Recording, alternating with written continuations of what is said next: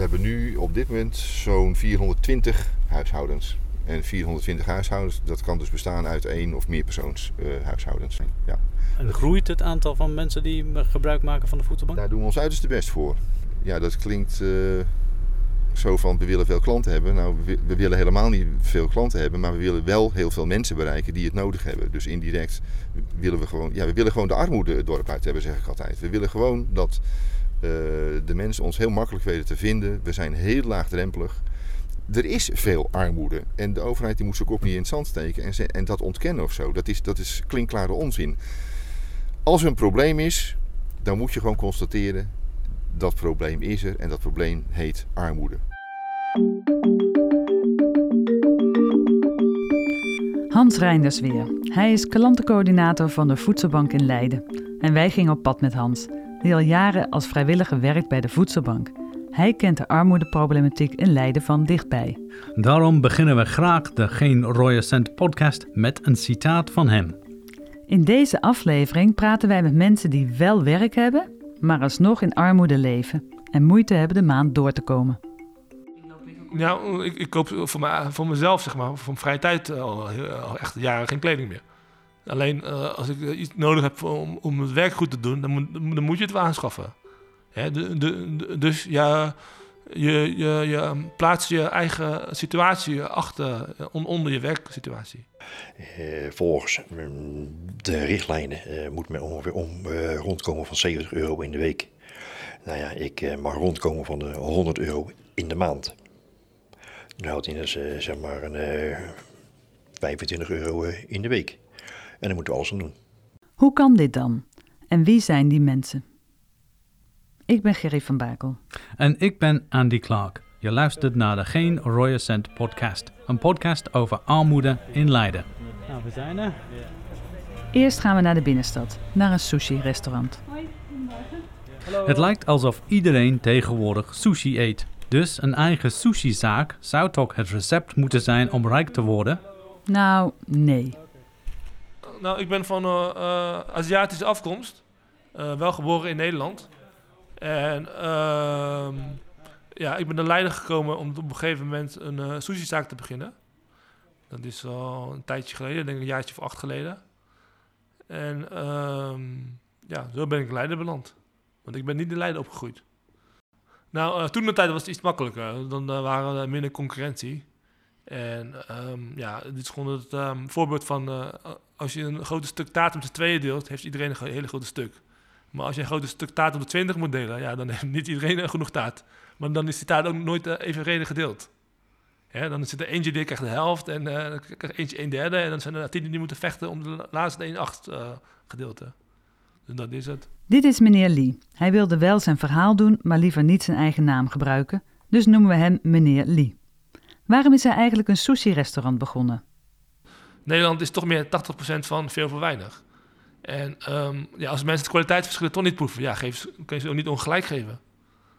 En dat is misschien met name voor de Aziatische keuken, wat wij natuurlijk heel graag ja. meteen de Chinese noemen. Ja, exact. Is veel voor weinig. Ja. veel voor, voor weinig, ja. ja. Het is nu wel een beetje aan het veranderen hoor, maar uh, als je gewoon heel reëel, reëel bent, krijg je echt heel veel voor weinig. Ja, maar wat je krijgt is eigenlijk niet echt uh, het echte eten. Ik bedoel, uh, de, de, de, als je ooit Chinees gaat halen en je krijgt een hele bak met witte rijst, maar die witte rijst is zo droog dat eigenlijk uh, een Chinees zou ervoor schamen. Maar een gemiddelde Nederlander die doet er heel veel satésaus eroverheen, wat het niet, niet meer zo droog is. Maar dan denk ik van ja, je hebt wel iets eetbaars, maar dit is eigenlijk iets eten. Dan denk van joh, je bent een mens, je hebt inkomen ik durf het bijna niet te zeggen, maar eigenlijk neig ik te zeggen dat is hondenvoer. Ja, het is er veel voor weinig, maar zo eet je toch niet als mens, denk ik. Hoor je, of tenminste, wil je ook niet eten als mens. En jij wilde daar iets tegenover zetten, iets, iets beters. Was dat een beetje het idee? Ja, wij wilden gewoon een goede kwaliteit sushi leveren. In het begin ging het goed met de zaak. Ja, toen liep het wel. Maar de laatste paar jaar houdt meneer Lee nauwelijks meer iets over. Het enige voordeel hebt uh, als je een restaurant hebt, ja, kijk, um, je hoeft niet te betalen voor eten in principe. Ja, je, uh, wat over is, kun je invriezen en dan kun je gewoon zelf van eten. Dat, dat, dat, dat, is de, uh, echt de enige reden waarmee je rond kan komen. En al die andere, bijvoorbeeld ja, nieuwe kleding, et cetera, sigaretten. Kijk, ik rook niet. Dat zijn allemaal in, mijn ogen luxe. dus omdat ik dat kostenplaatje van de eten heb in de wegstreep, ja, kom, kom je ermee rond. Maar uh, je kan er hierbij niet uh, in een jaartje een weekje dicht gaan en op vakantie gaan. Van de 800 tot 900 euro per maand moet hij zijn huur betalen en ook alle andere uitgaven. Maar zien mensen jou altijd als rijk als je eigen zaak hebt? Veel, veel mensen, vooral de vertegenwoordigers. Ja? die denken altijd dat je rijk bent. Kijk, je, je hebt twee soorten Aziaten. Hè? Kijk, dat is wel wat veel mensen wordt geleerd als vertegenwoordiger. Je hebt van de oude generatie, kijk, ik behoor niet tot de oude generatie, ik behoor nog tot de, ook niet de nieuwe generatie, ik bedoel tot de minder generatie. Kijk, de oude generatie zijn wel Aziaten, vooral maar Chinezen, die, die hebben ontzettend veel geld, inderdaad. Uh, en hun kleding is niet aan te zien. Omdat zij daar niet om geven en dat is een bewuste keus. Bij mij is het hetzelfde. Maar bij mij is, ik heb geen keuze. Maar dan komt de vertegenwoordiger binnen, oh, die denkt, oh, hij voldoet aan het signaal. En die denkt dat, dat ik ook heel rijk ben en dat iets te halen valt. En dan kost het altijd vaak moeite om hem vriendelijk de deur uit uh, uh, weg te wekken.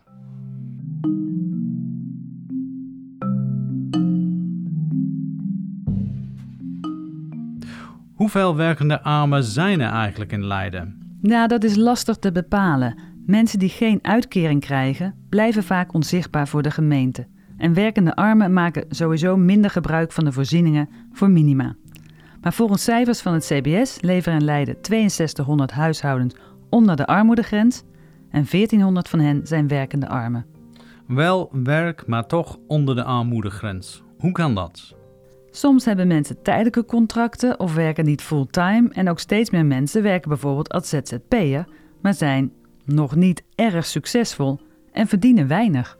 En hoe groot is die groep van ZZP'ers? Ja, hoeveel mensen het gaat is ook weer lastig te zeggen. Er is gewoon weinig zicht op. Maar wethouder Marleen Dame maakt zich wel grote zorgen over deze groep. En een grote zorg die ik zelf echt wel heb, zijn de werkende armen. Want um, waar vroeger het verhaal heel goed erg was van via een baan heb je toch, uh, dat is de manier om uit die armoede te komen, is dat niet meer zo. En um, nou, ik vind een, deel van de ZZP'ers is gewoon heel kwetsbaar. Um, dus en, je verzekeren tegen ziektekosten of uh, arbeidsongeschiktheid is hartstikke duur, dus dat doen er heel veel niet. Ja, dat betekent dus dat je aangewezen bent op een bijstandsuitkering op het moment dat dat gebeurt.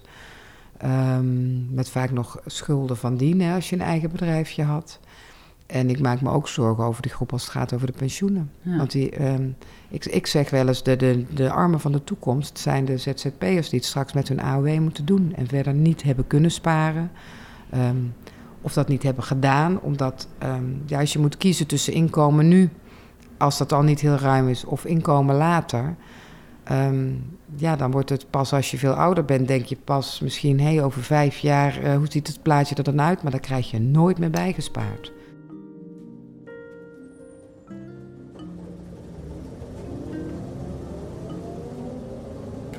Ja, uh, mijn levensstijl is uh, armoedegrens eigenlijk nog meer uh, de beneden. Qua inkomen val ik eigenlijk overal buiten. Mijn inkomen is te hoog. maar door hoge lasten kom je dus ver onder de grenzen terecht. En dan heb je financiële problemen, schulden die zijn ontstaan. Ja, en dan glij je eigenlijk alleen maar verder weg. Dit is Hans. Hij is buschauffeur. Wel een baan, maar toch klant bij de voedselbank. Ik heb wel een normale baan. Uh, alleen het inkomen is dusdanig zover goed. Uh, alleen uh, er wordt dus een beslag gelegd. Dus dan leven op een beslagvrije voet. En daar moet je alle rekeningen van doen. En van leven. Nou ja, levennorm is dus dusdanig zo weinig. volgens mm, de richtlijnen moet men ongeveer om, rondkomen van 70 euro in de week. Nou ja, ik mag rondkomen van de 100 euro in de maand. Dan houdt in dus, zeg maar een 25 euro eh, in de week. En daar moeten we alles aan doen. En dat geldt voor u en, en uw kind? Uh, ja, mevrouw, dochter en ik, we moeten met z'n drieën maar uh, zien uh, rond te komen ermee. En alles doen wat we kunnen doen. Zonder de voedselbank is het voor Hans en zijn gezin niet mogelijk om rond te komen. Hoe is het zover gekomen? Omdat hij zoveel schulden heeft? Ja, er waren al schulden, die was Hans aan het aflossen. En toen gebeurde er weer wat. maar dan komen de, de schoonouders te overlijden. En ja, die laten dus ook een schuldenpost achter. En die krijgen er ook een keertje bovenop. Ja, en dan, ja, dan is het te ver. En dan kom je er niet meer uit. Hans zit in de schuldsanering om van de schulden af te komen.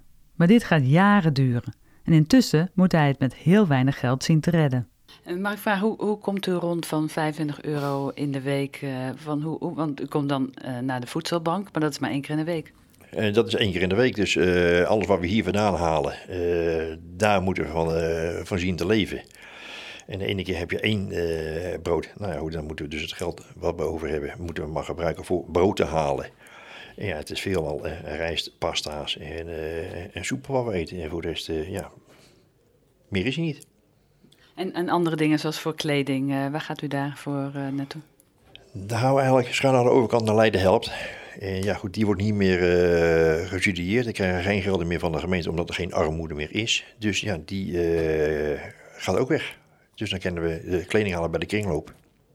En dan moet je ook weer voorrang betalen. En er is geen geld voor. Dus alles wat we nu nog kunnen, uh, gratis kunnen krijgen via Leiden Helpt, ja, dat pakken we aan. Voor meneer Lee is het keihard werken om zijn hoofd net boven water te houden. Ja, het is gewoon hard werken. Um, zeg maar, dat is puur in de markt van het eten. Is gewoon hard werken. Uh, mensen zijn je eigenlijk in principe helemaal niet dankbaar. Ja. Je bent eigenlijk een slaaf van jouw bedrijf. Zeg maar, dat is puur horeca gebaseerd, hè. Klein horeca. Ik denk dat iemand een grotere zaak zou hebben, een grotere kroeg met terras. Totaal ander verhaal. Maar in, in de kleine horecazaak in Leiden is gewoon um, een zwaar leven dat eigenlijk ik niemand zou aanraden. Werkt meneer Lee alleen? Nee, hij heeft ook personeel in dienst, dus hij voelt zich ook verantwoordelijk voor hen. En volgens meneer Lee maakt oneerlijke concurrentie zijn bestaan als ondernemer extra zwaar. Nou, kijk, kijk mensen maken het ook steeds moeilijker. Kijk, uh, wat dus in Nederland, um, ik ga nu wel iets best wel um, gevaarlijk zeggen, maar het is wel realiteit. Iedereen die in de horeca werkt, uh, weet, er is heel veel uh, zwart geld. En dan hebben we die vakbonden. Ik heb, ik heb trouwens ook ooit uh, de vakbonden gemaild. Ooit de reacties krijgen, maar ze hebben nooit teruggereageerd. Dus kijk, ik vind het wel leuk dat die vakbonden strijden voor een minimumsalaris, ja. Maar ze vergeten één ding. 80% is zwart. Dus als jij de minimumsalaris gaat verhogen, wie pak je ermee? De eerlijke partijen. Ik bedoel, een, een, een, een afhaalrestaurant om de hoek... die alles wat uitbetaalt, die heeft er geen last van maar als jij de salaris gaat verhogen, gaat de sociale lasten ermee ook uh, verder omhoog. Dus uh, als jij in Nederland zeg maar um, in horeca zit en je doet alles eerlijk, dan heb je het veel zwaarder dan je uh, buurman die het niet eerlijk doet. Dus eigenlijk denk ik van ja, je wordt eigenlijk wel een beetje geduwd om hier en daar creatief administratie te doen. Maar in Leiden houden de mensen toch ook van sushi? Jawel, ze houden wel van sushi, maar volgens meneer Lee zijn mensen niet bereid om geld uit te geven aan eten. Alles moet zo goedkoop mogelijk. Uh, mensen beseffen helemaal niet dat, dat, in de eten de marges heel klein zijn. Kijk, uh, ik zal een voorbeeld geven. Um, sommige mensen uh, lijken alsof ze sterven als ze 10 euro moeten uitgeven aan eten. Maar geven dezelfde avond gewoon zonder denken 50, 60 euro uit in de kroeg. Ja? Dus het is een moeilijke markt. Meneer Lee heeft nog een mooi verhaal dat hij typerend vindt voor de soms wat onbeschofte houding van zijn klanten. Kijk, dit hangt gewoon af van de, um, het egoïsme en de ik-BV in Nederland. Hè? Kijk, mensen gaan uh, uh, allemaal vanuit van ik, ik, ik, ik, ik, ik. Ik zal je een hele goede voorbeeld geven. Uh, ik heb hier een buurman. Die houdt nooit eten, nooit eten bij ons. Dat is geen probleem, hè?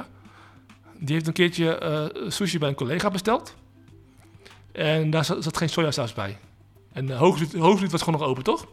Dus hij komt hier naartoe en zegt van, hebben jullie ook sojasaus? Dus ik vraag van, ja, um, waren we het vergeten? Nee, zegt, hij zei wel eerlijk, ja, ik heb die en daar besteld. Ja, dus waren sojasaus vergeten. Oké, dus ik geef hem sojasaus mee. Uh, hij vraagt, wat moet ik ervoor betalen? Kijk, ik zeg natuurlijk nee, maar... Uh, dus hier is wel een cultuurverschil. In plaats van, moet ik betalen? Ik vind, jij als tegenover de uh, partij die iets krijgt, die moet het aanbieden. Je moet het niet vragen, je moet gewoon geld neerleggen, vind ik. Ja?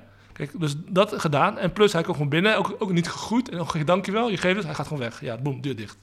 Ja, welkom in Nederland. Ja, ik vertelde verhalen ook af en toe aan klanten. Uh, ze zijn expert, ik kom uit Amerika en die moet ook lachen. Ja, dit is gewoon kenmerkend.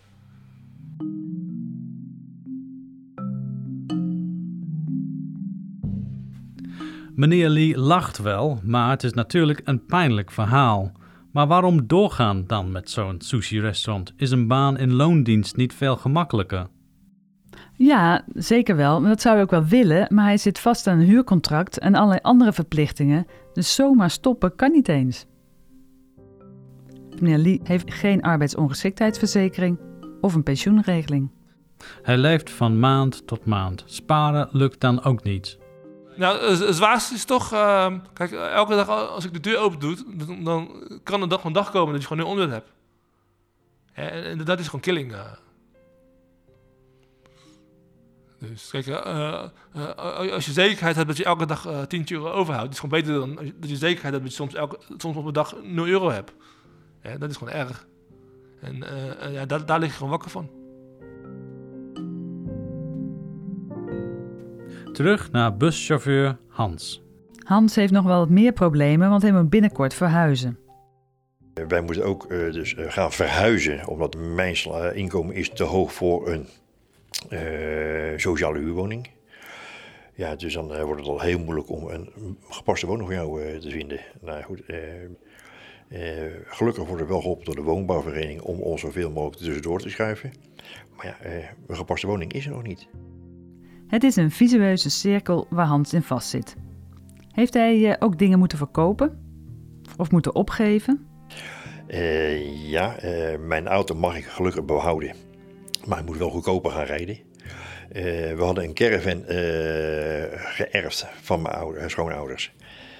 ja, die zeggen van, je zal elkaar niet betalen, dus verkopen maar. Maar goed, die caravan is niet meer waard, maar ze wel emotionele waarde voor ons. Uh, dieren die we hebben, uh, ja, uh, als ze er niet meer zijn, mag er ook geen ander dier voorkomen. dus daar moeten we ook op, op inkrimpen. Maar hij blijft doorgaan en voor de buitenwacht doet hij alsof er niks aan de hand is. Meneer Lee heeft ook veel opgeofferd in zijn strijd om rond te komen. Nou, kijk, kijk ik ben wel iemand van, als ik zelf in de shit zit, dan ga ik niet iemand anders in de shit betrekken. Dus uh, op dit moment zou ik nooit een relatie aangaan. Ja, want dus, dat vind ik, uh, moet je niet doen. Je hebt mensen die dat wel doen. Ja, ik denk, in zo'n situatie wordt je leven niet beter van, denk ik. Heeft u jarenlang dan geen, bewust geen relatie? Ik heb jarenlang bewust geen relatie gehad, ja. ja. Wanneer was het voor het laatst dan, dat, als ik dat mag vragen? 18 jaar geleden of zo. Echt studententijd. Meneer Lee ziet zijn toekomst nu buiten Nederland. Hij heeft het hier wel een beetje gehad. Het liefst wil hij zijn zaak verkopen en emigreren. Misschien Noord-Europa. Scandinavië lijkt me wel een leuk land, gewoon wat, wat rustiger land. Of uh, ja, richting Oostenrijk, Zwitserland. Of Schotland, wat rustiger land in ieder geval. Ja, ik vind Nederland uh, op dit moment uh, minder interessant. En ik zou wat voorbeelden geven. Kijk, misschien is het ook generatiegeloof. wij werken met veel jonge mensen en, we hebben, en, af en toe loopt, komt er iemand gewoon 16, 17 jaar binnen. Die weet gewoon echt niet eens hoe een kraan werkt. Die heeft nooit, nooit geholpen met afwassen, die heeft nooit gestofzuigd. Ja, het, is, het is wel een land waar, waar de jeugd steeds meer wordt verwend door de ouders. En dat is volgens mij geen goede teken. Heeft hij tips om ZZP'ers beter te kunnen helpen vanuit de gemeente bijvoorbeeld? Koppel iemand van een businessclub aan een ZZP'er die moeilijk heeft. Laat hem gewoon af, uh, één keer of twee keer de maand even koffie met elkaar drinken. Ja, en wie weet kan hij hem heel erg goed helpen met advies. En die, en dat, advies is echt lange termijn. Kijk, financieel is echt altijd korte termijn. Uh, ik besef ook wel van een bedrijf in financiële problemen, je kan wel geld blijven inpompen, is korte termijn. Lange termijn heeft hij gewoon een advies en een structureel aanpak nodig. Ja. Maar zoiets is er niet eigenlijk voor. Niet, niet, niet, niet, niet dat ik het weet. Ja? Kijk, kijk, kijk bijvoorbeeld, uh, ik zit nu in een probleem, ja. Ik zou best wel van uh, iemand willen horen die het ook al gedaan heeft. Als ik nu mijn prijs ga verlagen en ik ga mijn prijs gaan stunten, is dat eigenlijk een goede zet. Ik wil best wel van hem eh, onderbouwend horen van of het nou wel of niet goed is. Kijk, als het wel goed is, wil ik de redenen weten. En als het niet goed is, wil ik van hem weten waarom niet. En, en, dat uh, uh, vergemakkelijkt jou, jou ook om de beslissing te maken om het wel of niet te implementeren. En Hans, wat vindt hij dat de gemeente beter kan doen? Ja, welke steun zou je willen hebben? Uh, meer erkenning voor de armoede hier in Nederland. Dat is wel heel belangrijk. Uh, er wordt gezegd, er is geen armoede. Maar wij zien meer als genoeg. En wij zien ook wekelijks nieuwe gezichten. En mensen die op hun komen aanmelden. Dan wij jongens, oké, als er geen armoede is, hoe komt dan dat er steeds meer mensen naar de voedselbanken moeten? Die opmerking horen we vaker: dat de gemeente en ook wethouder Dame ontkent dat er armoede is in de stad. Maar ze hebben net een heel nieuw beleidsplan gemaakt om armoede te bestrijden. Dus gaan wij verder op onze zoektocht. We gaan praten met nog meer mensen die onder de armoedegrens leven en met de mensen van de sociale wijkteams die hen eruit moeten helpen. Dit was de derde aflevering van onze podcastserie Geen rode cent. Wil je reageren? Stuur een e-mail naar mij, Andy Clark, andy at studioline14.nl Of naar gerryvanbakel.gmail.com Deze podcastserie werd mede mogelijk gemaakt door het Leids Mediafonds. We publiceren onze podcast via Sleutelstad FM. Kijk op de website sleutelstad.nl. Bedankt voor het luisteren. En tot de volgende keer.